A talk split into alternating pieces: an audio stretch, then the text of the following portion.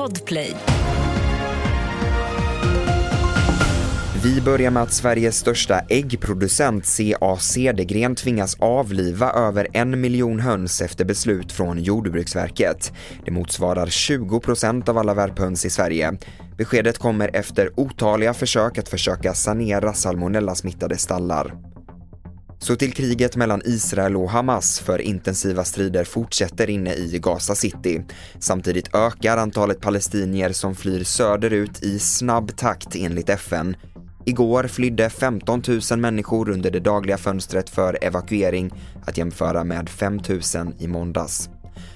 Sverige nu där vi shoppar på nätet som aldrig förr under tredje kvartalet skickades 45 miljoner paket, en ökning med 9% jämfört med samma period förra året. Detta enligt transportföretagens paketindex.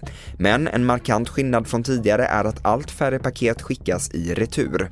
Jag tror att de färre returerna också är en del i en förändrat beteende och en ökad mognadsgrad hos konsumenterna. Jag tror vi, vi är mer vana att handla på nätet och vi kanske är noggrannare när vi köper.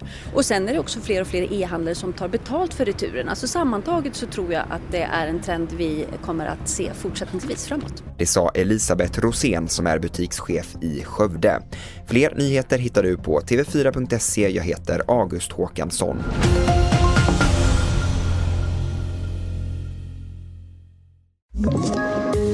Poddtips från Podplay.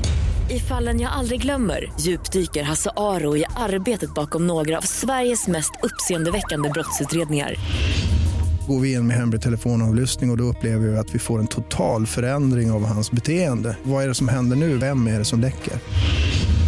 Och så säger han att jag är kriminell, jag har varit kriminell i hela mitt liv men att mörda ett barn, där går min gräns.